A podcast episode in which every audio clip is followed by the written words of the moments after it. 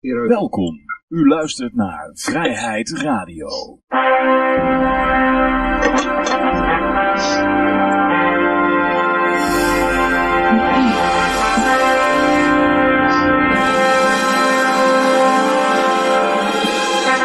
Ja, dames en heren, jongens en meisjes, dit is weer een nieuwe aflevering van Vrijheid Radio. Leuk dat u luistert. We zitten hier gezellig in een café Libertaria met op dit moment uh, Yoshi en ik. En, Ja, ik ben er. Ja, hi, dat is Yoshi. En uh, mijn naam is Johan en zo meteen komt als het goed is Rick er ook nog bij. En uh, ja, goed, ja, het was met weekje wel. Hè. Het was uh, naar aanleiding van onze vorige uitzending was wat rumoer ontstaan in het normaal zo vredige Oosterwijk. Nou, klasse. Omtrent ja, het raadslid dat wij in onze uitzending hadden. Daar gaan we zo meteen nog even verder over hebben wat er allemaal gebeurd is en wat de gevolgen hiervan zijn. Uh, eerst gaan we nog even uh, met, met jou hebben, Josje, over uh, waar jij nu op dit moment mee bezig bent. Want er gaat ook iets gelanceerd worden, hè? Dat klopt, Johan. Dat heb jij weer goed meegekregen. Mm -hmm. In de maand februari gaan wij op liberland.info de wallets introduceren, zodat de gebruikers van liberland.info hun eigen cryptomunten op de website kunnen opslaan. Um, en daar komt dan ook een marktplaats aan vast. En dat zorgt er ook voor dat wij kunnen gaan stemmen in Okay. Lieberland. En uh, daarom ga ik in de komende maand van februari, de, de lancering is aan het eind van deze maand gepland door uh, Najim Willems van Hopler Enterprises. Okay. Um, deze hele maand ga ik in de plaats waar ik nu ben lezingen geven over uh, cryptogeld, Liberland, noem het maar op. Uh, ga ik dus mensen werven om zich aan te sluiten bij het initiatief. En dan uh, ja, aan het eind van de maand is de bedoeling dat we dus uh, live gaan met onze eigen munt. En um, ja, druk, we zitten er naartoe te werken. Ik praat met heel veel mensen op het moment. is leuk, leuk om te doen. Dus spannend ook, spannend wat het gaat worden. Ja. Dat heeft er ook voor gezorgd dat ik dus langzaam maar zeker mijn plekje binnen de EFL aan het overdragen ben. Er zijn wat dingetjes die ik voor ze regel, die ik nu doorzet naar de volgende generatie, om het maar zo uit te drukken. Mm -hmm. uh, nou, dat zie je nou vandaag leuk terug in de prijs van de e-gulden. Die heeft bijna de helft verloren in een week tijd. Oké, okay, alleen omdat jij een beetje afstand uh, doet. Ja, omdat de mensen nog aan het uitvinden zijn hoe ze market moeten maken, om het maar zo te zeggen. Okay. Uh, maar er is, er is amper volume joh, op deze niveaus helemaal niet. Dus uh, ja, visueel is het even vervelend voor de mensen die ze houden. Maar ik verwacht dat er op de termijn alles weer terugkomt. Dus uh, ja.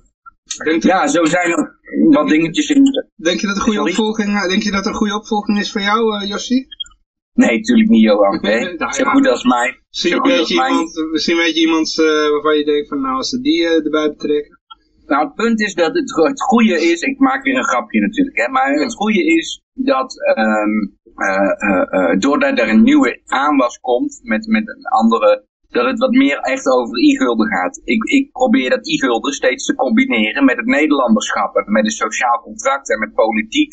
En met alle, allerlei dat soort dingen. En nou ja, dat, dat is best succesvol gebleken. Twee jaar geleden had ik mijn moment toen de televisiecamera's op mij gericht waren. Alleen ja, heb ik nagelaten om toen uh, mijn actie te maken. En daardoor heb ik eigenlijk uh, uh, een beetje mijn kans gemist. En ik denk dat het heel goed is. Het probleem van mijn betrokkenheid is dat mensen mij als EFL zien. Ja. En die denken dus dat ik EFL de, de beste, dat is ook uh, de manier waarop, waarop haters en de, de trollen zeg maar uh, proberen om de EFL kapot te krijgen door steeds maar te zeggen, ja het is allemaal van Yoshi en, en verder is er niks. Dus het goede hieraan is, dat het zichtbaarder zal worden dat er uh, veel meer mensen betrokken zijn bij EFL dan mensen nu denken. Dus het is echt een vrij hardnekkig gerucht dat ik alle EFL's heb en dat er verder niemand uh, interesse in heeft. Dus nou ja, dat gaat nu bewezen worden dat het uh, anders zit. Ja, ja. Goed, ja, nou ja, voordat we nog uh, even naar de goud, zilver, de bitcoin en de staatsschuldmeter gaat, wil ik nog even aan jou vragen van wat is jou deze week opgevallen in de, in de crypto, op de cryptomarkt? Oeh, ja, er waren een hoop uitschieters. Ik denk mijn grootste uh, uh, op, degene die mij het meest opviel, waar ik ja, het meeste naar gekeken heb, is uh, Litecoin deze week. Die schoot eventjes door naar 70 euro denk ik per munt. inmiddels ook weer iets teruggevallen. Maar de, de, de bodem van 1 januari lijkt toch wel gezet te zijn. het is natuurlijk resultaten aan het verleden bieden geen garantie voor de toekomst. Maar je ziet in Satoshi's dat de 0,6 bitcoin cent een beetje een bodem lijkt te zijn voor Litecoin. En uh, ja, hij heeft daar dus de afgelopen maand, maand heeft hij daar uh, rondgezwoven, rondgezweefd. Maar nu is hij weer een beetje aan het opkrabbelen. Dus het, het lijkt mij echt het moment om in crypto, uh, vooral de altcoins, die allemaal ontzettend naar beneden zijn gegaan. We hadden deze week ook nog Zcash. Daar was een consensus bereikt over donatie aan uh, de foundation achter Zcash. Die krijgen een bepaalde percentage van iedere blokbeloning. En de community was het erover eens dat dat werd verlengd. Uh, en ook Zcash is in de maand januari meer dan verdubbeld in waarde. Dus uh, ja, er zijn, er zijn best wel grote moves op dit moment aan de gang. Het kan natuurlijk ook niet altijd alleen maar naar beneden gaan. Dat is wel wat de manipulatoren van de markt ons graag willen doen geloven. Uh, samen met goed getimede persberichten van uh, niet-vrije pers. Uh, maar ja, het kan niet altijd naar beneden, Johan. Simpel zat, de euro is aan het falen. Um, deze week is er ook een artikel van Arno Wellens. Het was geen artikel, het was een filmpje op Café Weltsmerts. Mm -hmm. Arno Wellens heeft daar een drieluik over Deutsche Bank gepubliceerd. Waarin hij in het derde deel echt een schokkende onthulling doet, vind ik zelf. Uh, dat soort informatie. Ja, op een gegeven moment gaat die crash een keer komen. Uh, en ik, ja, ik, ik, leef er al, ik, ik leef er al jaren van. En ik denk dat het toch nog steeds, uh, het moet een keer gebeuren, Johan. Dus ik ga er nu gewoon voor. 2020 wordt het jaar dat de euro onderuit gaat. Oké. Ja, ben benieuwd. Um, ja, maar laten we even naar de, de markten kijken. Uh, ik heb hier uh, goud, uh, zilver en de bitcoin. Laten we gewoon even met de bitcoin beginnen, want we zaten al in de crypto. Die is deze week omhoog geschoten. hij zit nu op, op dit moment op 8378 eurotjes. Maar hij heeft er pieken gehad van ja, 8500 en meer zelfs. Dus, ja, ja ook, ook bitcoin is inderdaad erg omhoog gegaan deze week. Klopt. Ja. Uh, we hebben nog de goudprijs, die heeft ook een lekker piekje gemaakt. Uh, die staat op dit moment op, een troy ounce heb ik hier, 1587 dollar. En dan hebben we nog de marijuana-index. Zometeen sowieso wat uh, marijuana berichten. Maar die, die, is, uh, die blijft omlaag gaan. Dus ja, eigenlijk zolang we de marijuana-index doen, zien we eigenlijk alleen maar een daling. hij staat op dit moment op 108 punten. Ja, hebben we nog de olieprijs. Oh nee, wacht, de staatsschuldmeter. Die staat op 392 uh, eh, miljard in het rood. En nu nog, last but not least, de olie. Ik hem even openen. Die staat op uh, 51,11 dollar, denk ik, per vat. En hij is omlaag aan het gaan. Dat wist vandaag, ja. zit hem even op een week. Oh nee, ja, hij, hij swingt een beetje op en neer. Maar hij is inderdaad uh, de laatste paar dagen flink uh, omlaag aan het gaan. Ja. Oké, okay. ja, dan uh, komen wij de berichten. Ja, we hebben wat crypto nieuws. En we beginnen even met ehm, Senegal. Senegal geeft groen licht voor een crypto city, of een blockchain city. Is dat van Econ? Ja, dat is van Econ. En je ziet hem hier ook met een heel blij gezicht, zie je hem daar op de foto staan. Heel trots ook. Hij heeft uh, met de, ja. de overheid van Senegal uh, zitten babbelen. En die hebben groen licht gegeven. Hij, mag, uh, hij is al begonnen vorig jaar met het begin van de, de fundamenten van die stad. En het moet een, een crypto-powered Econ City moet het gaan worden. En hij zegt, doordat het allemaal op de blockchain zit, voorkomt dat overheidscorruptie. In een ander interview uh, noemde hij ook nog dat uh, Afrika leidt onder corrupte overheden. En dat uh, bitcoin of crypto de manier is om dit te doorbreken, omdat dan alles inzichtelijk is. Hè? Dus ja. Je zou natuurlijk ook kunnen zeggen dat er zonder de corruptie van Afrikaanse warlords er ja. nooit zoveel olie geboord werd daar. Ja, ja, ja. Maar ik zie dat uh, Rick erbij komt. Dus die gaan we even toevoegen. Oké. Misschien moeten we zeggen, moeten we die, eh, dat eerste bericht even samenpakken met het tweede bericht, Johan, over de Ja. Dubai Crypto Valley. Ja, vertel. Want ook Dubai gaat met een tax-free zone eh, eh, proberen om een crypto city te, te lan- lanceren. Het staat op bitcoin.com, het is in het Engels. Eh, Dubai Government Authority has announced that it is launching a crypto valley in the country's free zone where there is no personal or corporate income tax. With the help of its partners from the Swiss Crypto Valley, Dubai will offer a variety of services such as incubation for startups, co-working facilities, blockchain training, education events, mentoring and funding. Dus eh, ook Dubai eh, gaat een poging wagen om crypto-miljonairs aan te trekken. Ehm, en dat komt eigenlijk, om het dan nog even door te trekken, er is ook nog een eh, Crypto Valley in eh, even het land Bulgarije.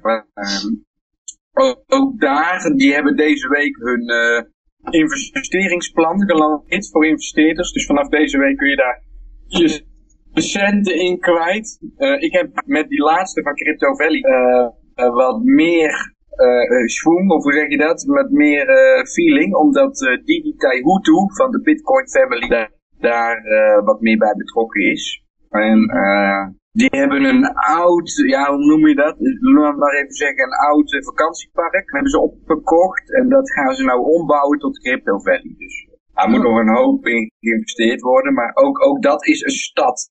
En dan hebben we natuurlijk gewoon nog ons eigen Liberland. Waar, Ja, uiteraard. Ja.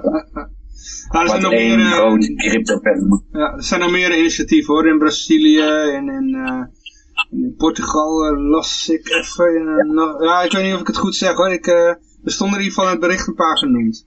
Ja, klopt. Maar eh, goed, ja, Rick is erbij. Hoi Rick. Goedenavond. Dag, Rick. Hey, alles goed? Ja, ja, ja. Mooi zo. Nou, alles goed. We, we, we huppelen nog heel snel even door de cryptoberichten heen. Eh, we hoeven niet al te veel aandacht aan te besteden. Dit, bijvoorbeeld het volgende bericht. eh, Pornhub, die, eh, die gaat over naar Tether. En dat is allemaal vanwege de problemen die ze eigenlijk al twee jaar hebben met eh, Paypal. We hebben daar eerder in de uitzending over gehad. Eh, hun eh, modellen, een Edelstars zeg maar, die worden vaak betaald via Paypal. En ja, Paypal die doet er een beetje moeilijk over, want ja, ja hun aandeelhouders zijn vaak grijze conservatieve muizen. En die hebben er een beetje moeite mee. Tenminste in het openbaar. Eh, in ieder Ja, geval, eh, nou, is, eh, nou is Tether eh, dat die door de dollar... Hypocriete bende. Hypocriete bende. Nou is in ieder geval eh, Tether, dat is een, een, een cryptomunt die door dollars is gedekt. Daar hebben we al vaker over gehad in de uitzending. En die zit tegenwoordig ook nog eens op de Tron-netwerk. En Ethereum.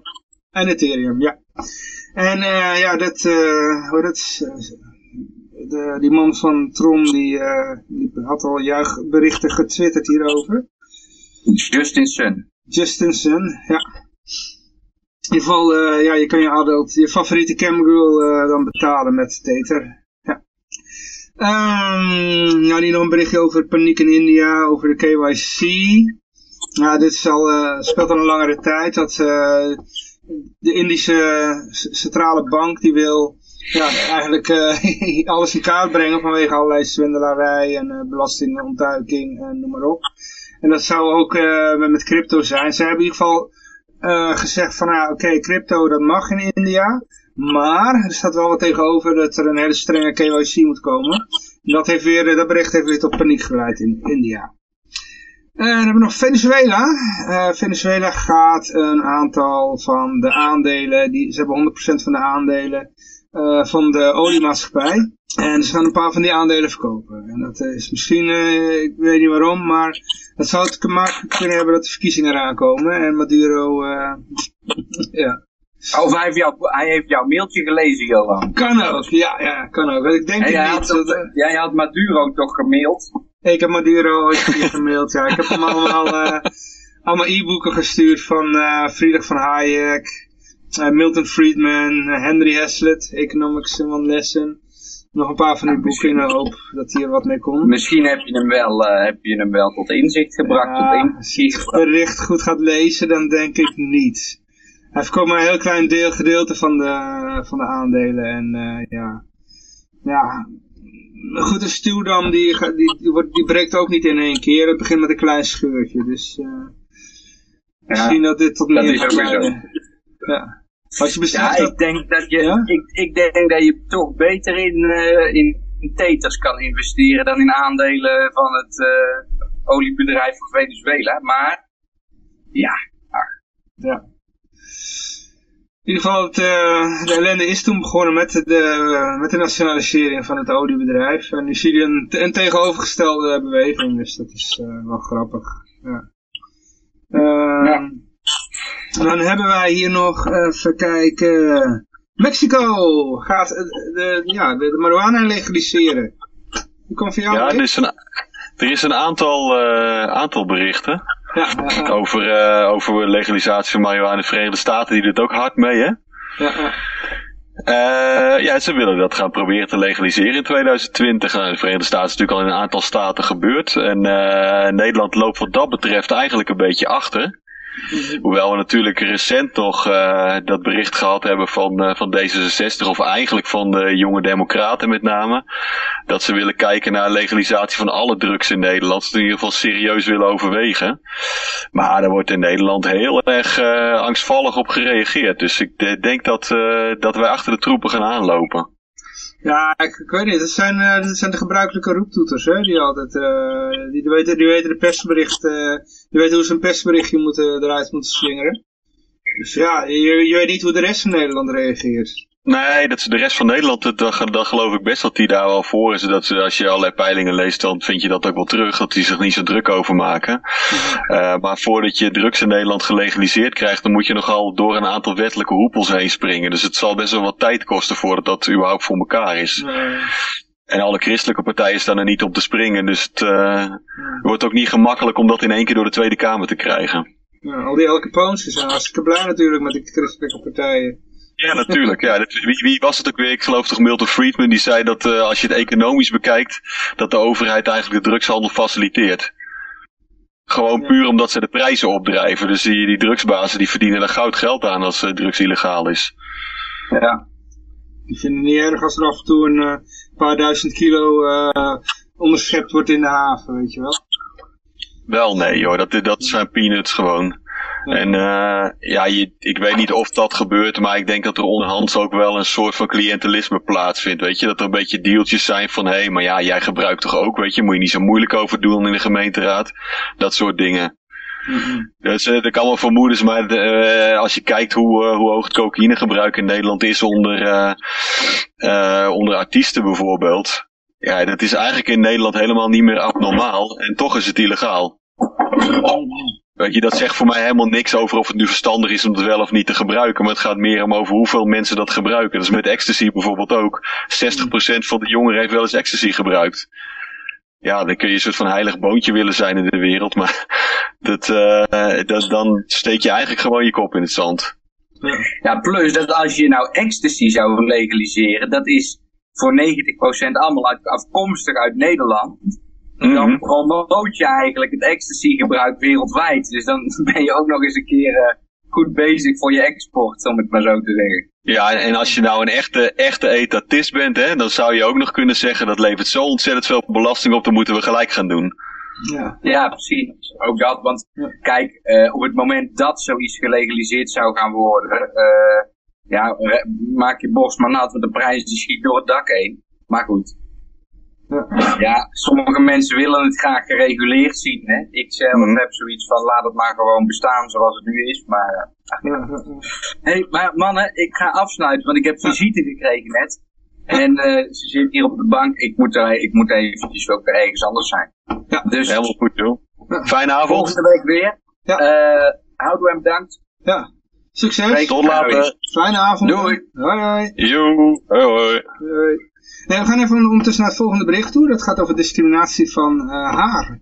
Dat bedoel Mhm. niet zij, maar eh, datgene Ik bedoel haar op je hoofd. Haar op je hoofd, hè? Ja. Ja, ja, ja.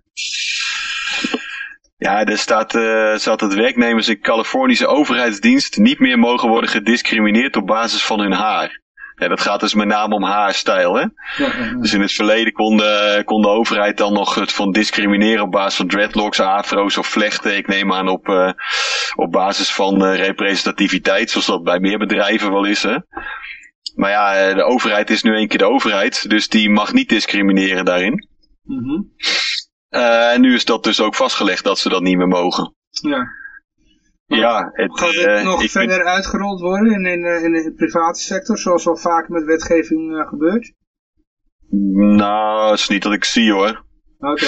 Nee, nee. Nee, er is wel, eh, er is door een senator ingediend, hè, senator Holly Mitchell. En die diende de wet in dat de zwarte worstelaar bij een wedstrijd ter plekke zijn eh, loks had moeten afknippen om mee te mogen doen. Dus het komt wel uit de private sector, zullen we zeggen. Want ik neem aan dat de, dat de overheid geen worstelwedstrijden organiseert. maar eh, ja, dat, eh, dat is dus nu bij de overheid in ieder geval niet meer toegestaan. En ja, die, het is een signaal, zeg maar, naar de rest van de samenleving. Dus het is niet gelijk dat dat bij wet verplicht wordt. Maar wie weet komt in de toekomst nog. In, in Nederland eh, is dat soort dingen is, eh, is wel bij wet vastgelegd. Hè. Het is heel moeilijk om daarin je gelijk te halen. Mhm. Maar het staat, staat er wel in. Je mag niet op basis van je, van je uiterlijk of je afkomst, et cetera. Het is gewoon natuurlijk op basis van artikel 1 van de grondwet. De rechter mag helemaal niks toetsen aan de grondwet, maar er zijn natuurlijk allerlei andere wetten uit voortgekomen waar de rechter wel aan mag toetsen. Eh, Maar in de Verenigde Staten is dat nog niet bij wet vastgelegd dat bedrijven dat niet mogen. Maar de overheid mag nu in ieder geval niet meer. Is het nodig, denk je? Mm, ja, ik weet het niet. Kijk, eh, bij overheden, dat hebben we in Nederland natuurlijk ook gezien bij dat homohuwelijk. Hè, dat de echte christelijke ambtenaren bij de gemeente, die weigeren op een gegeven moment zo'n homohuwelijk te voltrekken. En ik geloof dat we die discussie toen ook wel hebben gevoerd. Die mensen die worden betaald van belastinggeld, terwijl van het geld van iedereen. En dus hebben ze gewoon de taak uit te voeren die, eh, die hun is gesteld. Dus het is geen privaat bedrijf of zoiets dat je daar eh, kunt zeggen van hé, hey, maar die taak wil ik niet uitvoeren, verzin maar wat anders voor mij. Dat hoort gewoon bij je taakomschrijving. Dus ja, dan moet je maar wat anders gaan doen. Ja, dus ik, eh, ja, ik weet niet of het nodig is. Eh, kijk, ik denk dat het voor die mensen die het betreft, dat dat heel erg prettig is. Zeker als je dat echt als onderdeel van je identiteit ziet of zo. Nou, ik kan me voorstellen. Hè? Dus jij denkt, hé, hey, ja, maar ik, eh, ik voel mij het, het allerprettigst met dreadlocks in. Voor Rastafari's eh, is dat zelfs onderdeel van hun geloof. Ja, dan kan ik me daar wat bij voorstellen. Ja. Maar, ja, ja, we gaan even naar het, eh, ja, wat ik in het begin van de uitzending al eh, aankondigde, dat onze vorige uitzending die heeft geleid tot enige ophef. In het normaal Mhm. zo rustige plaatsje Oosterwijk. Vrijheid Radio is zelfs genoemd, hè, in de, in de raadzaal? Of? Nou, we zijn genoemd. We zijn genoemd. Ja. We zijn Ja. genoemd. De naam klinkt rond.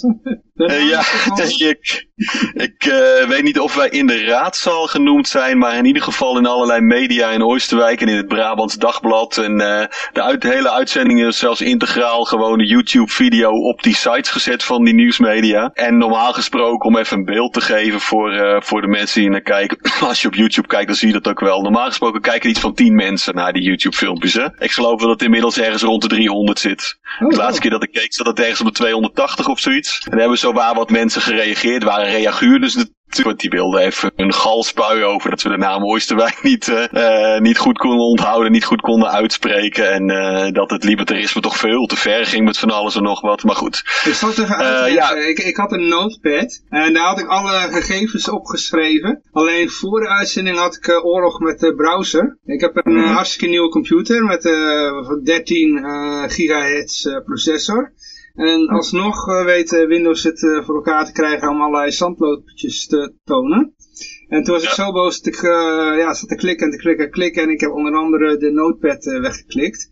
En nog niet gesaved. ja, Ah, dus, eh, oké. Zodoende Ja, ja, ja, had ik mijn eh, geheugensteuntje was gewoon weg. Was Ja. verdwenen. Dus vandaar.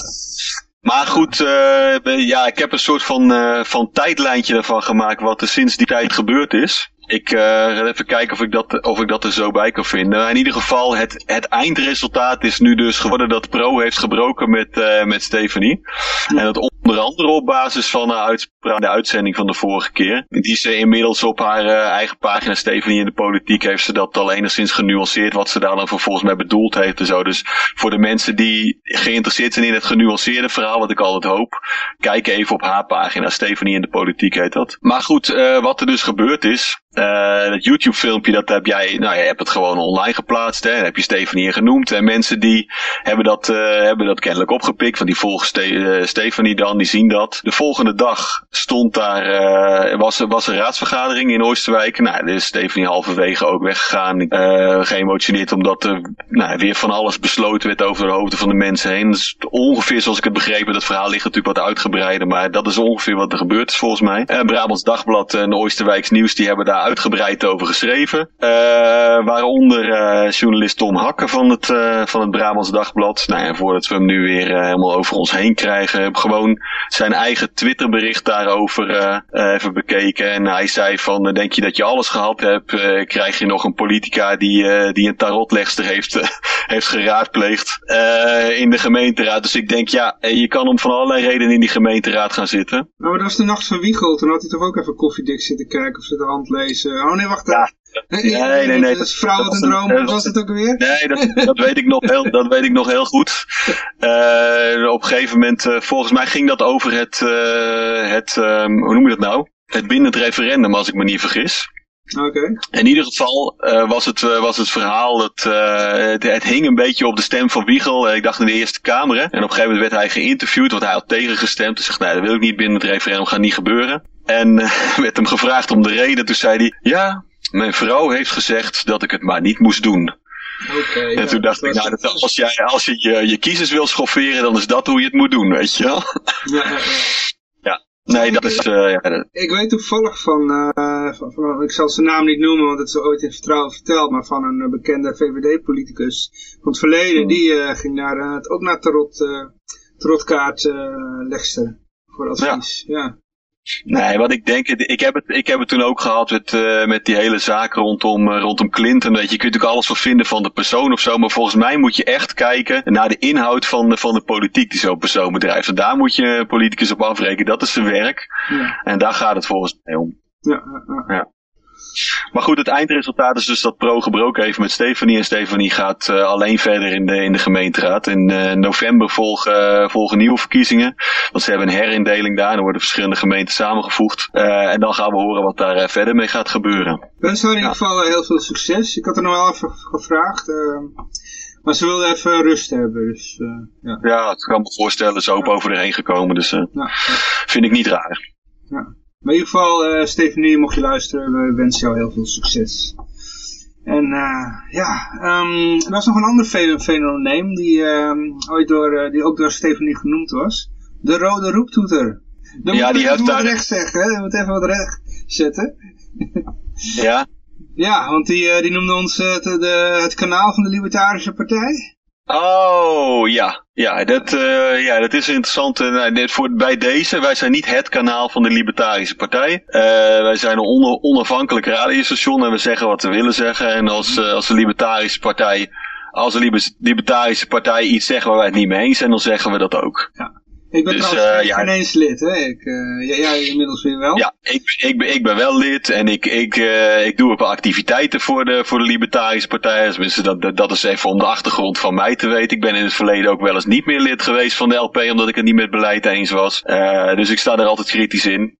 Maar goed, ik, ben ik ben daar wel lid van. En nou ja, bijvoorbeeld Kim Winkelaar, die we de vorige uitzending hadden, die heeft ook wel eens op de lijst gestaan bij de LP. Dus ja, wij kennen elkaar ook wel grotendeels via de LP. Maar dat wil niet zeggen dat het er altijd mee eens zijn. Nee, nee, nee. Eh, ja, ik heb even de, de eerste vier regels gelezen van eh, de rode roeptoeter. En eh, ja, ik moet uh, Stephanie gelijk geven. Het is, de stuurgraad is erg hoog.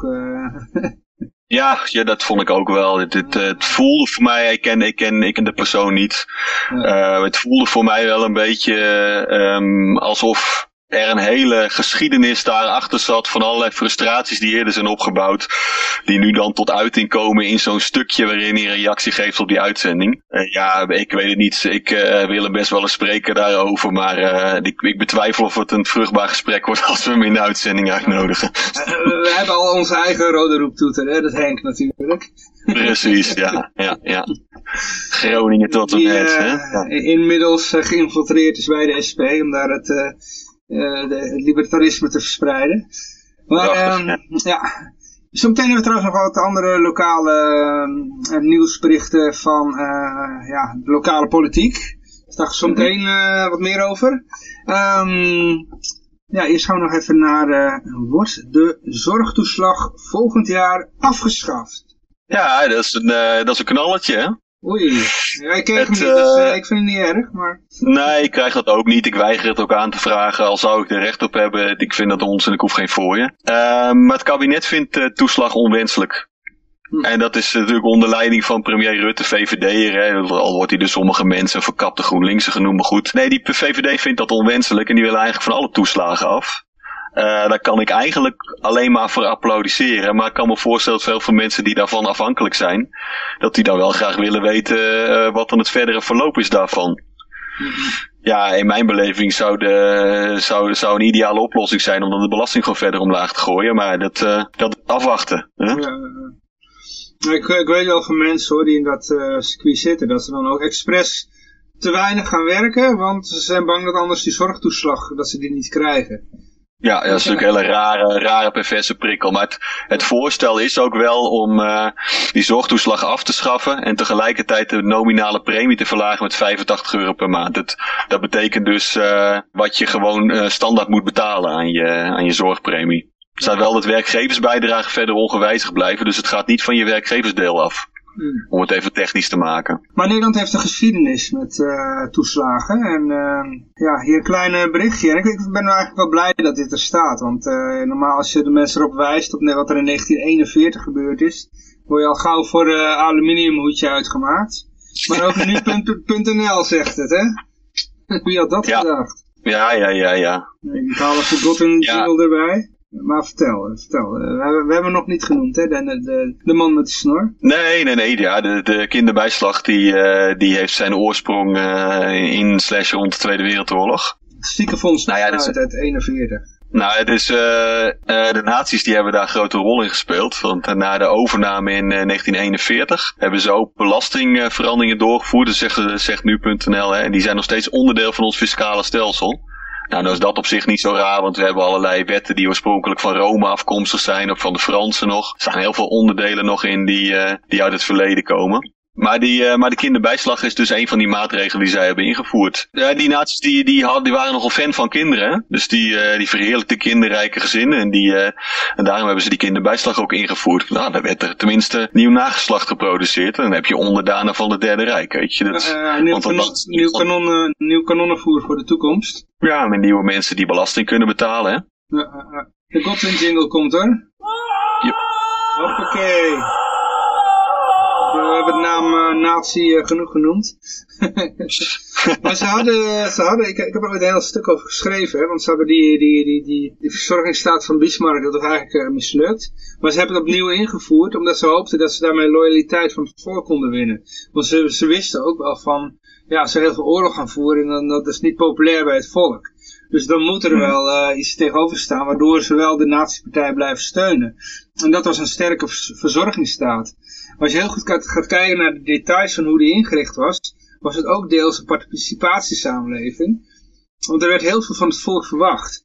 Eh, en daarvoor kreeg je een ruil, daarvoor kreeg je, eh, wat je nu ook in China ziet, de social credit score. Alleen die stond Mhm. dan op, je, op de deurposten. Van een aantal sterretjes Oh. en embleempjes. En dan kon je zien eh, hoe vaak je de billen van de buurman waste, bij wijze van spreken. Mhm. Dus eh, ja, tenminste hoeveel jij participeerde. En dat was omdat ze het zelf al hadden uitgerekend van, nou ja, eh, die verzorgingsstaten kunnen we eigenlijk niet betalen. Het eh, Mhm. gaat te duur worden. En in 1943 geloof ik, eh, tijdens Oktoberfest, had ehm Göring geloof ik, had in een toespraak gezegd, eh, de memorabele woorden, als er dan honger is, dan niet in Duitsland. Waar hij eigenlijk al Aha. de, oorlogwinter aankondigde.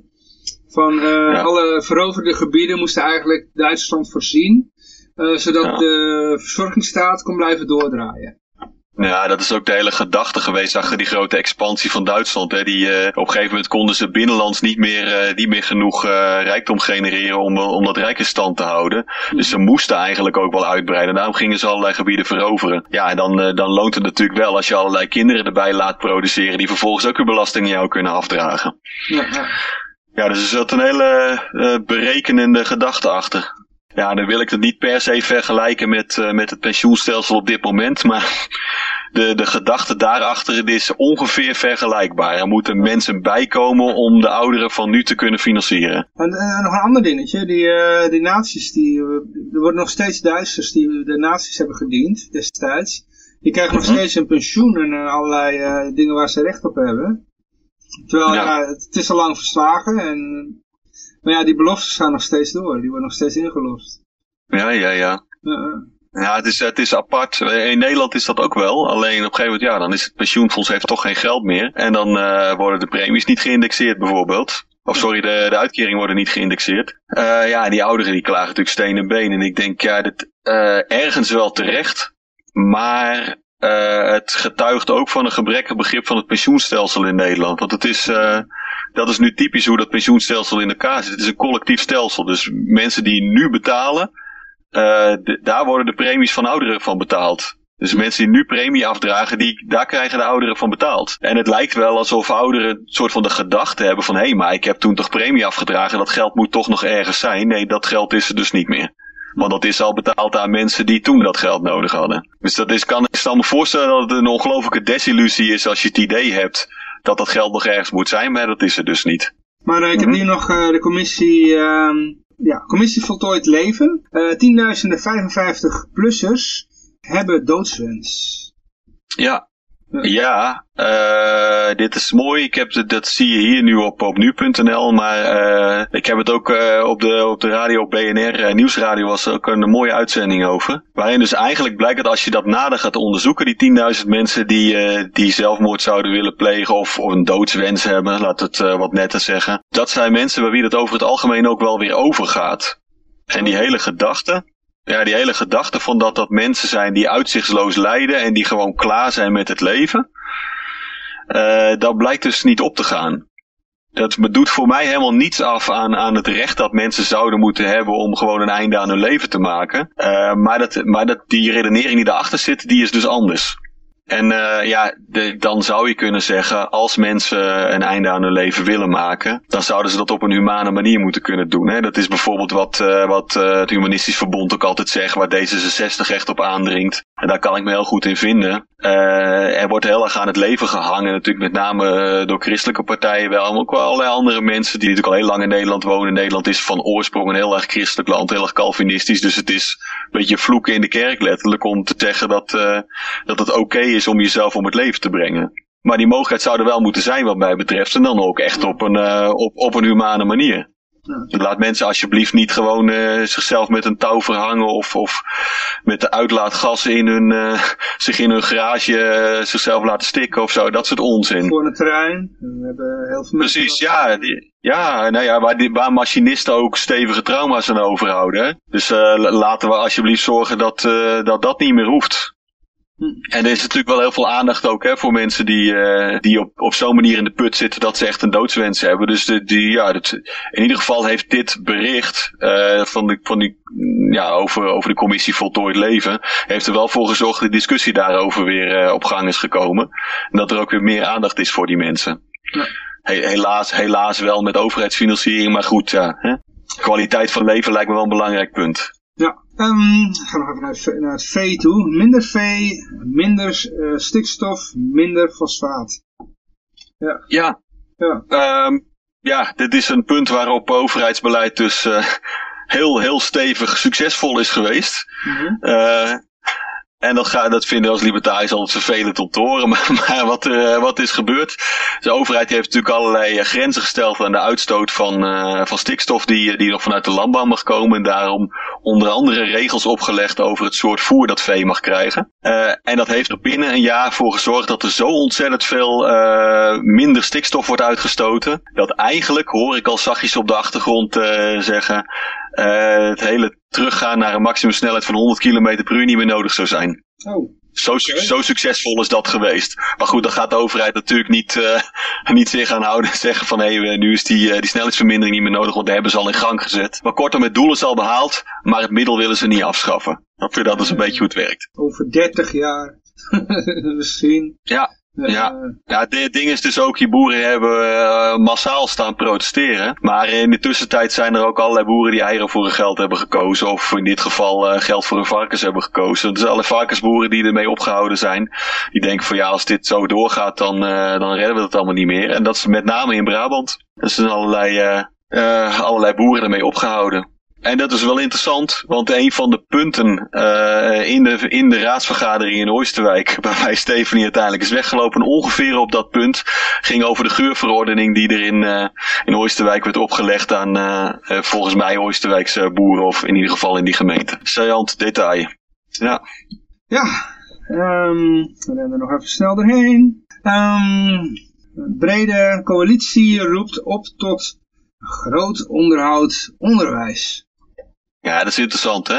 Mhm. Het is een, um, dus niet een overheidscommissie uh, of zo. En ook niet een uh, coalitie van, van verschillende partijen of zo. Dit zijn, dit zijn echt uh, groepen mensen uit, uit de samenleving. Of eigenlijk gewoon natuurlijk organisaties van het maatschappelijk middenveld, zoals dat zo mooi heet. En die vinden dat het slecht gaat met de kwaliteit van ons onderwijs. En dat daar wat aan moet gebeuren.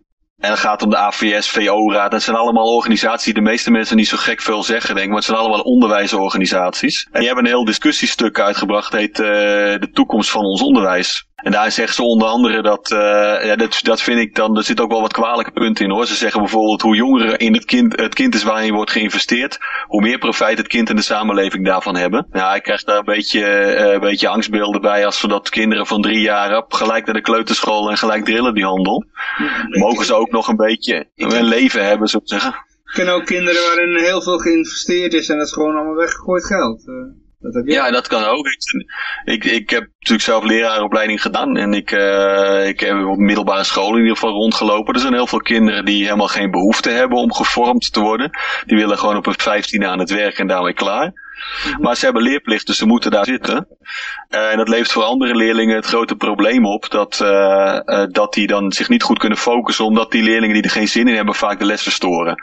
Mhm. En je kunt ze er wel uitsturen, maar je mag ze niet van school sturen, want ze hebben leerplicht, dus dan moeten ze in een of andere nakomles komen of een briefje halen. Allemaal van die non-maatregelen, want die leerlingen leren daar helemaal niks van. en wat dit betreft, zeg ik als libertariër, uh, heeft de SP daar een prachtig plan voor. Die zeggen stuur die, stuur die leerlingen nu gewoon uh, een ouderwets, ouderwets in de leer bij een bedrijf. Nou, ik, denk dat, ik denk dat dat een prima plan is. Laat ze gewoon bij een bedrijf aan de gang gaan. Dat willen ze zelf ook graag. Uh, en dan is er ook een, uh, is er ook een gevolg hè, van niet je best doen. Dan krijgen ze gewoon minder betaald of niet meer betaald. Of ze mogen niet meer bij het bedrijf werken. Ik denk dat dat een veel duidelijker signaal is naar, naar leerlingen toe dan dat je dat je ze in de klas laat zitten waar zij geen zin in hebben en waar zowel de docenten als de andere leerlingen in de klas alleen maar last van hebben. Maar goed, het, het gaat nog een beetje verder. Ze zijn voor doorlopende leerlijnen in het onderwijs.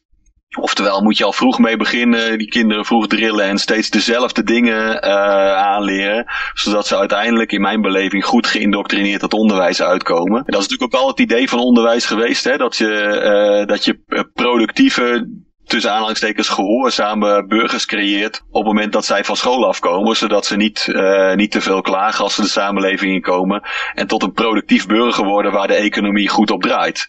Dat is toch Frederik de, de Grote, die toch uh, daarmee kwam, want die, uh, die irriteerde zich aan al die, uh, dat ongedisciplineerde tuig wat het leger in kwam en ja, er was geen land mee te bezeilen. Dus er moest eigenlijk een soort voortraject zijn, waardoor die dat de discipline bijbrengen, ja, dat werd dan daar al gedaan, zodat ze al meteen strak in het gelid het leger in marcheren. Ja hoor, het is, het is ook de achtergrond achter, uh, achter de scouting bijvoorbeeld. Dus uh, dat is dan de versie van het Amerikaanse leger. Maar dat is, was ook bedoeld om op te leiden voor het leger inderdaad. Nou, in dit geval is het denk ik iets breder over de samenleving als geheel. Maar dat is misschien hoe het begonnen is. Uh, de gedachte van die, van die coalitie is ook dat, dat je het werken in het onderwijs aantrekkelijker zou kunnen maken. Uh, en door allerlei arbeidsvoorwaarden, secundaire arbeidsvoorwaarden, misschien iets beter loon ook. Nou, daar is nu ook voor geprotesteerd de afgelopen week. Uh, ja, dit is vind ik dan een beetje twijfelachtig.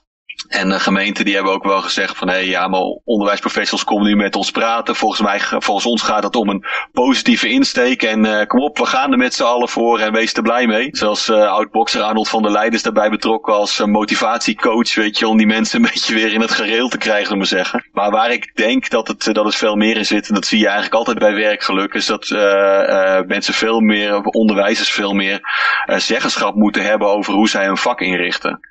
En dat kan nu eigenlijk niet, want leerlingen hebben leerplicht, uh, ze hebben kwalificatieplicht, uh, er is een vast, uh, vastgesteld vakkenpakket, er zijn vaste exameneisen, heel veel dingen die zijn centraal opgelegd, waardoor onderwijzers eigenlijk helemaal niet de mogelijkheid hebben om om een duidelijke eigen invulling aan het onderwijs te geven. Je kunt eigenlijk je, een beetje je eigen kleurtje aangeven, je kunt je eigen voorbeelden aanhalen, maar wat er geleerd moet worden, dat staat bij voorbaat al vast. Ook als die leerlingen daar helemaal geen zin in hebben. Ja, dus, dus er zijn nogal wat twijfelachtige kanten aan. Maar wat ik denk is dat die, uh, die coalitie gaat dit aandragen en lobbyen bij de, bij de ministerie van Onderwijs. En ongetwijfeld dat daar zaken van overgenomen zullen worden. Dus dat gaan we denk ik de komende jaren nog wel terugzien. Kijk, we gaan even verder kijken naar de, berichten. Advies aan kabinet. We hebben er nog eentje. Arbeidsmarkt moet echt anders. Of deze ja. welvaart gaat uh, eraan. Ja. Ja, dit uh, gaat over een, uh, ja, dit is, dit is een soort van een nieuw stuk rondom uh, uh, rapport van de, van de commissie Borstlab, zoals dat zo mooi heet. Officieel heet die anders, maar zo staat die bekend. Uh, die zegt dat de huidige regels onnodige maatschappelijke, economische en sociale problemen veroorzaken. En dat niet ingrijpen geen optie is, omdat onze welvaart eraan gaat. Het is een soort Keniaanse gedachte. Hè? We moeten ingrijpen in de economie, anders dan gaat het helemaal fout. Uh, dus werkgevers moeten veel vaker vaste contracten aanbieden. Aantal flexwerkers en ZZP'ers moet omlaag. Ik denk dan in mijn achterhoofd, dus ook die mensen die er zelf voor kiezen om ZZP'er te zijn en dat heel erg leuk vinden om te doen. Uh, en er moet meer geïnvesteerd worden in kennis en innovatie. Zit daar niet iets achter van dat ze... Wil de, de, aan de linkerkant, weet je wel, die vakbondsmensen, die vinden het niet leuk dat het allemaal daar leeg loopt, helemaal vergrijst. Maar dat, uh, Mariadici vindt het vervelend, al die flexwerkers, want uh, ja, dat, uh, niemand wil meer lid worden van een vakbond. Nee, maar er, staat, er, er zit natuurlijk nog, nog iets anders bij. Uh, ZZP'ers hebben wel een soort van hun eigen belangenorganisatie, hè? dus dat, dit, die zijn wel gedekt wat dat betreft. Het is gewoon een ZZP-belangenorganisatie die dat soort dingen regelt. alleen wat ook bij de, dit bericht staat, van de NOS is dat, uh, dat een van de problemen die ZZP'ers hebben, dat ze vaak niet verzekerd zijn tegen ziekte of arbeidsongeschiktheid. Nou, ze nou, kan natuurlijk zijn. Verzekeren als ze willen.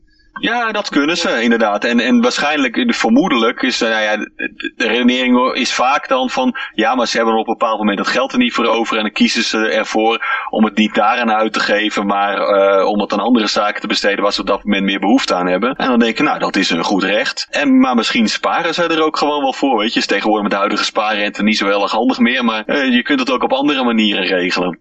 Ja, dat zou een vrije keuze moeten zijn soms is sparen nog beter dan uh, bijvoorbeeld een tandartsverzekering kun je beter sparen dan uh, het is zo'n uh, dat, aanvulling op je ziekenfonds betalen. Ja, dat klopt ook wel, denk ik. Ik ben, ik ben natuurlijk al jaren gemoedsbezwaard. En ja, dan betaal je helemaal geen premie. En, uh, althans, niet aan je ziektekostenverzekeraar. En als ik naar de tandarts moet, dan betaal ik dat gewoon zelf. Maar doordat ik geen premie betaal, ben ik denk ik 800 euro per jaar sowieso minder kwijt. En daar kan ik echt wel het anders van betalen. Daar kon ik zelfs gewoon een uh, uh, ja, ziekenhuiskosten van betalen. Heb ik op een gegeven moment ergens voor nodig gehad. Ja, er was een operatie met gips eromheen, et cetera. Nou, 600 euro. Dat past ook nog binnen die 800. Nou, ik ga ervan uit dat ik dat niet ieder jaar heb. Uh, nou, ik zal even vast een beetje springen, want er ja, zit een... Was, er was ook nog een, een column ja, dat weet ik. Ik wou, zou eerst even de, de reactie van, uh, van minister Koolmees op okay. dit uh, advies willen doen. Want die, uh, die gaat er wat uitgebreider op in. Ja, die is natuurlijk heel, heel lovend over dat rapport. En die, die wil vooral al, allerlei ideeën die daarin voor, voorgesteld zijn, wil die verwerken in overheidsbeleid. hij vernoemt het ook historisch gewichtige woorden die daarin worden geuit. Hè, als een nieuwe sociale kwestie. Er wordt heel veel belang aangehecht. En het is natuurlijk niet raar voor een overheidscommissie dat de minister het presenteert alsof dat een fantastisch rapport is. Dus ja, hij uh, dankt de commissie vanuit de grond van zijn hart. Dat is een beetje uh, de strekking daarvan. Uh, maar in ieder geval dan vervolgens de column van BNN Nieuwsradio. Die zijn wat, wat, zitten wat meer aan de zakenkant van, van het spectrum. En die hebben eigenlijk de filosofie van if, if it ain't broke, don't fix it. Weet je, want er gaat heel erg veel goed in, in werkend Nederland. Ongekend lage werkloosheid, 3,2 procent. En een groeitempo dat nu al vijf jaar rij hoger ligt uh, dan dat van het eurogebied. Uh, en zelfs de problemen in Duitsland lijken ons niet te deren. Dus de, de vraag is een beetje waar maakt, uh, waar maakt het ministerie zich druk over? En ja, is er nu eigenlijk heel breed binnen de samenleving een klacht over, over de flexibilisering van, van de arbeidsmarkt? Ik geloof het niet.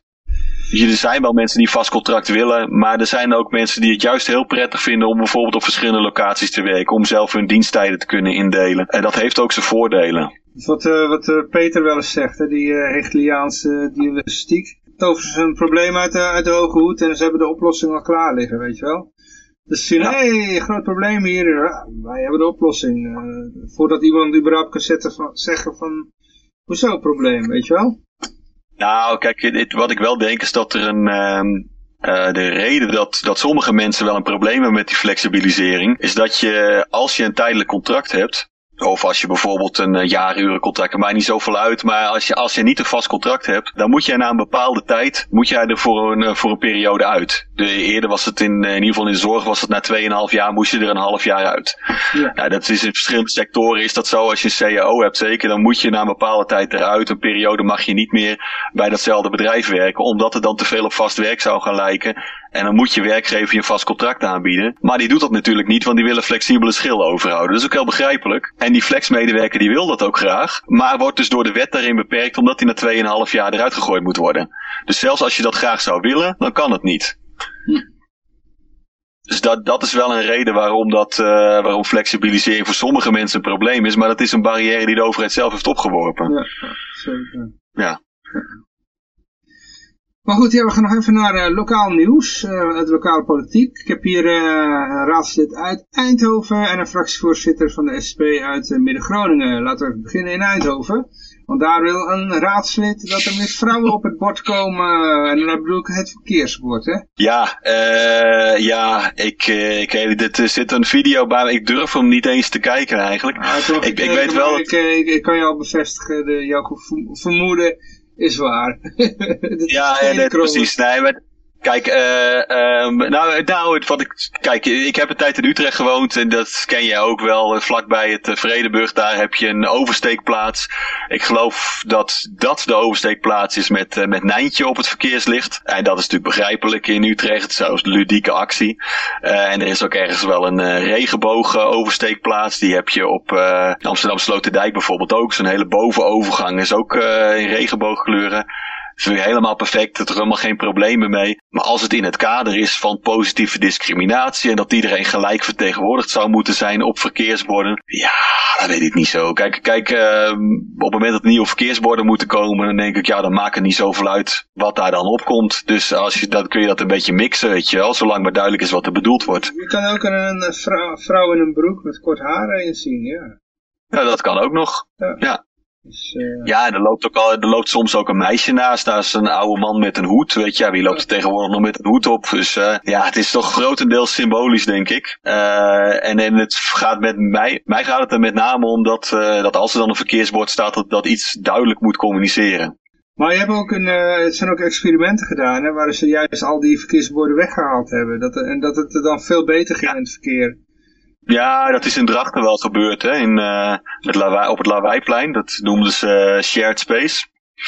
Uh, er was een klein nadeel daaraan dat alles dan heel erg langzaam ging rijden, want iedereen ging op elkaar letten. was bijzonder veilig. Uh, maar ja, de echt maximumsnelheid was daar al 30 km per uur. Ik heb daar wel eens gereden, toen was de situatie al uh, weer veranderd. Ik dacht, ik wil daar eens kijken, lijkt me leuk. Maar iedereen die lette netjes op elkaar en alles beweegt zo'n beetje tussen elkaar door. En eigenlijk is er helemaal niet een wezenlijk probleem. Het is natuurlijk niet iets wat je, wat je op, op drukke kruisingen voor provinciale wegen zou moeten doen, volgens mij. Want dan knal je valikant op elkaar. Dat zie je bijvoorbeeld wel in, in een land als Rusland waar, uh, waar het grootste voertuig de, de voorrang heeft. Dus ik kan me wel iets voorstellen bij verkeerslichten, maar het zeker niet overal nodig. En ik was uh, een aantal jaar geleden hebben ze in Utrecht ooit eens besloten om verkeerslichten die tot midden in de nacht nog rood en groen aangaven, om die na tienen dan toch maar op oranje te zetten. Dat vond ik wel een wijs besluit, want er reed echt helemaal niemand. En dan wordt het eigenlijk gewoon een soort inkomstenbron voor de politie. Van, hé, hey, je bent weer door rood gereden. Ja, maar er was niemand. Ja, maakt niet uit. We hebben duidelijk gezegd, door rood rijden, zussen zou boeten en dan moet je nu betalen. Daar helpt ook geen enkel argument tegen, want, uh, want regel is regel. Zo. Um, hebben we nog de fractievoorzitter van de SP in Midden-Groningen. Ja, die heeft iets gezegd. En daar hoort een Godwin bij. Wat heeft hij gezegd? ja, uh, ik moet eerst eventjes alle, alle dingen die RTV Noord mij wil aansmeren, moet ik eventjes wegklikken. Doe ik uh, een jingle. Ja, ga je gang. Hitler wordt erin genoemd. Ja, ja, uh, wat er gebeurt.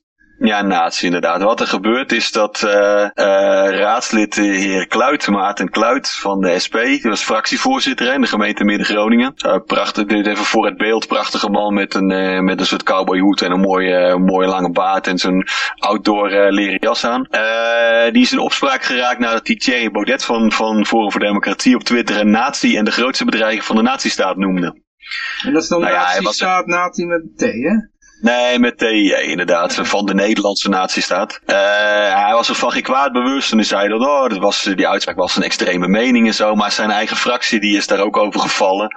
En toen is hij uiteindelijk er maar uitgegaan. Want hij heeft wel excuses aangeboden, maar dat mocht niet baten. Uh, ja, hij heeft het, nou, ik denk het ook wel nog enigszins onderbouwd heeft van uh, waarom de, de politiek van Thierry Baudet toch, toch enige gelijkenis vertoonde met het fascisme van Mussolini. En ik heb het zelf ook wel eens geprobeerd voor, uh, voor de vergelijking tussen het programma van de NSDAP en de PVV. Maar als je die dingen echt naast elkaar gaat leggen, in dit geval dus, uh, dus Thierry Baudet en Mussolini bijvoorbeeld, ja, dan schort het toch wel op, op een aantal vlakken hoor. Er zijn natuurlijk wel overeenkomsten en zeker in taalgebruik en in, ja, een beetje retoriek die er gebruikt wordt. De vorm, daar, daar kun je iets van zeggen, dat, dat, dat het erop lijkt.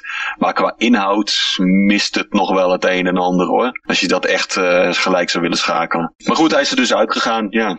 Ze bedoel, Wat ze dan bedoelen is waarschijnlijk van, oh hij, hij, hij doet aan populisme. Maar dat doen heel veel uh, politici. Dan zou je iedere, iedere politicus die aan populisme doet, kan je met uh, Thierry Baudet uh, vergelijken. Het is de essentie van politieke campagnes. Mensen proberen ja. kiezers voor zich te winnen. Dus zeggen ze veel dingen waarvan zij denken dat die goed zullen landen bij de, bij de kiezer. Even een klein zijsprongetje voor de informatie. Uh, de voormalige adviseur van, van Balkende is weer terug. Ja, hoe heet die man ook alweer? Met zijn korte piekhaar. Ja, een beetje zo? Of uh, was het ja, ja, ja, ja, die, uh, oh, Jack de Vries, ja, van de, van de Joint Strike Fighter ook bekend, Joint weet je. Die heeft, Jack, dat was toch? Precies, die heeft dat stevig, stevig uh, doorgepompt bij het kabinet. Toen heeft ook allerlei oud uh, legermateriaal verkocht aan foute landen. Dus, maar hij is weer terug in de adviserende rol bij het CDA, voor de, neem aan voor de Tweede Kamerverkiezingen. Uh, ja, dus uh, we zullen van het CDA ook weer genoeg populisme gaan zien. Die had ook uh, in het verleden wel gezegd van hé, hey, die, die had dan gehoord bijvoorbeeld dat mensen geen kranten meer lezen tegenwoordig, maar naar RTL Boulevard kijken. Nou, die had toen, tijdens de periode Balkende, hè, die had Balkende toen geadviseerd om dat toch maar bij RTL Boulevard te gaan zitten. Die is daar toen ook als gastpresentator in de uitzending gekomen, omdat Jack de Vries dacht, hé, hey, dat moeten we opvolgen. Dus CDA is daar ook niet vies van en er zijn veel meer partijen die dat helemaal niet erg vinden. Als je bijvoorbeeld kijkt naar de campagne van GroenLinks, uh, die, die stonden daar ook uh, ja, glorieuze grote leider te presenteren en met z'n allen te applaudisseren over wat een charisma die man toch had. Dus nee, dat is geen enkele partij vreemd volgens mij. Ja, misschien met uitzondering van de SGP, omdat die zo recht, rechtlijnig en zelfbewust zijn. Ja, dat bewonder ik ook altijd aan de SGP. Die, die wijken nooit af van hun principes. Ik ben het er volstrekt mee oneens met die principes, maar ze zijn rechtlijnig. Maar dat is de enige partij die ik zou kunnen bedenken die, die eigenlijk niet aan dat soort populisme doet. Ja, maar dan gaan we naar uh, maximaal 30 km per uur in heel Amsterdam. ja, is dat haalbaar? Ja. ja. Ja, nou kijk, uh, de, de praktische situatie in Amsterdam, de kennen Amsterdammers, uh, die zeggen praktische situatie in Amsterdam is dat je eigenlijk zelden meer haalt dan 30 km per uur, omdat het zo ontzettend druk is in die stad. Dus zoveel die bordjes neerzetten is niet heel erg nodig of zo. Maar er zijn daar nog wegen waar je officieel 50 mag rijden. Uh, en dat doen mensen dan ook. maar goed, nu willen ze dat dus voor de hele stad invoeren. Ja, en ik denk dan, dan gaan mensen om die stad heen rijden. Maar dit, ja, Amsterdam is al tijden bezig om een soort van een autootje te autootje te doen. Zo allerlei dieselauto's weer uit het centrum natuurlijk. Hè, wat, waar Utrecht trouwens ook nog veel eerder mee was. Dus die, uh, die deden dat ook al. Uh, parkeertarieven zijn natuurlijk in Amsterdam al jaren extreem duur. En zelfs die PNR-plaatsen rondom Amsterdam heen, nou, probeer daar maar eens te parkeren op een drukke zaterdagavond. Dan zijn alle PNR-plaatsen ook vol. En dan mag je ofwel duur parkeren in de stad, of je komt gewoon de stad niet in en de volgende keer denk je misschien van laat ik maar met openbaar vervoer komen. Dus Amsterdam is daar nogal strikt in en dit is een van die maatregelen die daarbij past. Ja, en het levert natuurlijk gewoon veel boetegeld op. Amsterdam heeft over het algemeen een hele onduidelijke verkeerssituatie met heel veel eenrichtingswegen en wegen die afslaan voor een andere weg. Dus bij het Leidseplein in de buurt heb ik toch zei, zelf bijna boete gekregen. En politieagenten die je dan uitlachen, zo dat soort dingen, weet je. Dus het, uh, ja, het is een beetje een curieuze stad wat autoverkeer betreft, dus dit past daar eigenlijk wel in. En over uh, boetes gesproken, uh, bij het volgende bericht. Dan wil een agent jou op de bond slingeren, maar... Nee, dit, dit is in, uh, ja, laten we dan maar zeggen, gelukkig in België. Uh, maar ja, wij, wij lachen graag om onze zuidenburen, maar ik denk dat het de Nederlandse politieagent ook wel eens gebeurt dat hij zo'n blunder heeft uh, gemaakt. Een politieagent die uh, zag niet dat het stuur in de auto rechts zat. Die zag een, de bijrijdster dus eigenlijk op de linker plek zitten en die dacht van, die laten we even blazen, want die ziet er nogal jolig uit. maar die had geen stuur voor de neus dat viel die politieagent dus helemaal niet op hoor. Die vrouw die heeft netjes geblazen en die zegt, ja, ja, maar ja, ik heb alleen maar een appelsapje op, weet je, is niks aan de hand. maar die politieagent wist van geen wijken, dus er moest toch geblazen worden. Zo gaat dat in uh, Vlaanderen af en toe, hè?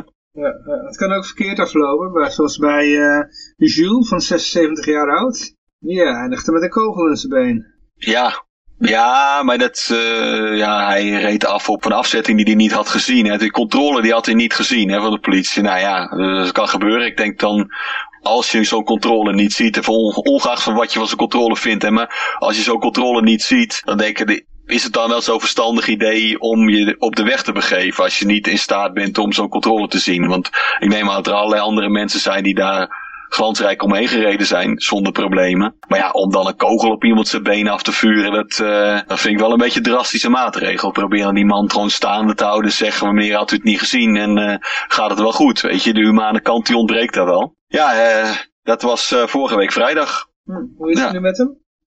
Nou, hij lag in het ziekenhuis. En uh, is daar geopereerd. Dus ik weet niet wat inmiddels de toestand is. Daar berichten ze dan vervolgens natuurlijk niet over. Uh, maar ja, hij heeft, is daaraan, uh, ja, moest eraan geopereerd worden. Nou, dat is, is ook wel, hij, hij, hij is zelf ook verontwaardigd over. Hij vindt dat er, dat er veel te snel geschoten is. Er is helemaal niets of niemand geraakt.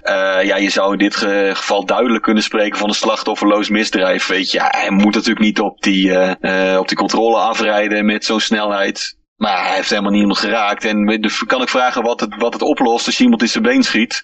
Want er werd door zijn zijportier geschoten.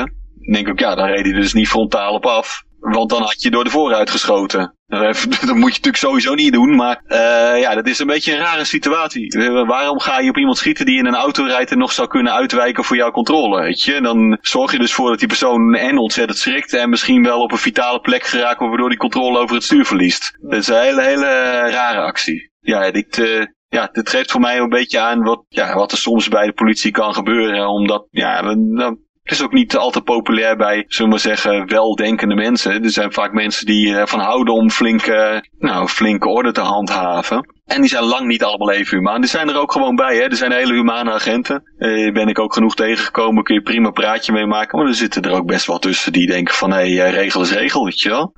Ja, dat is heel, heel triest. Ja. Maar ja. dan gaan we nog even als laatste naar iemand toe die misschien uh, veranderingen in kan brengen in dit alles. Dat is, uh, we hebben het dus over, over de verkiezingen van de Libertarian Party in de VS. Uh, we hebben al een aantal kandidaten genoemd, zoals uh, Furman Supreme, Adam Kokes hebben we al in de uitzending gehad. Um, die van de taxationist Ted Dan Burman, hebben we ook een uitzending gehad. Ja.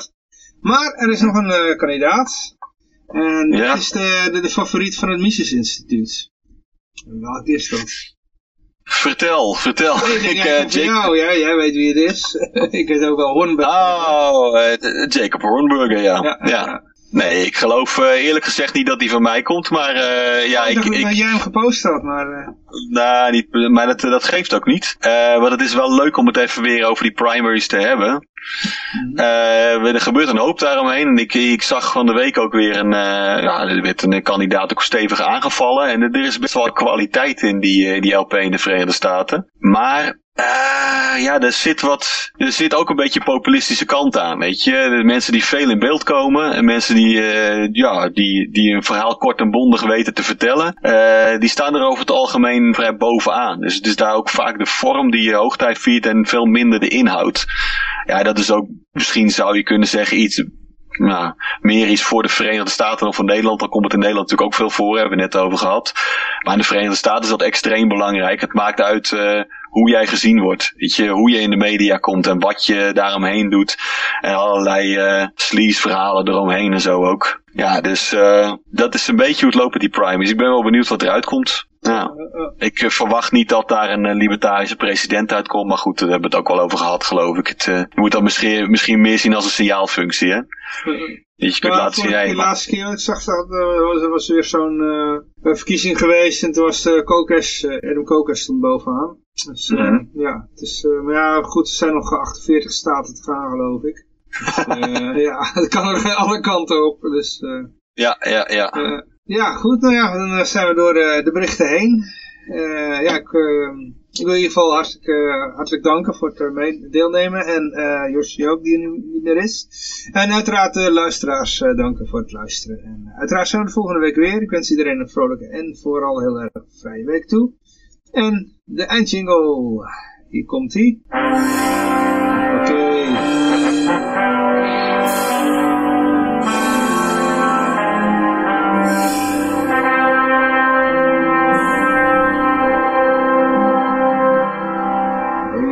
laten lopen.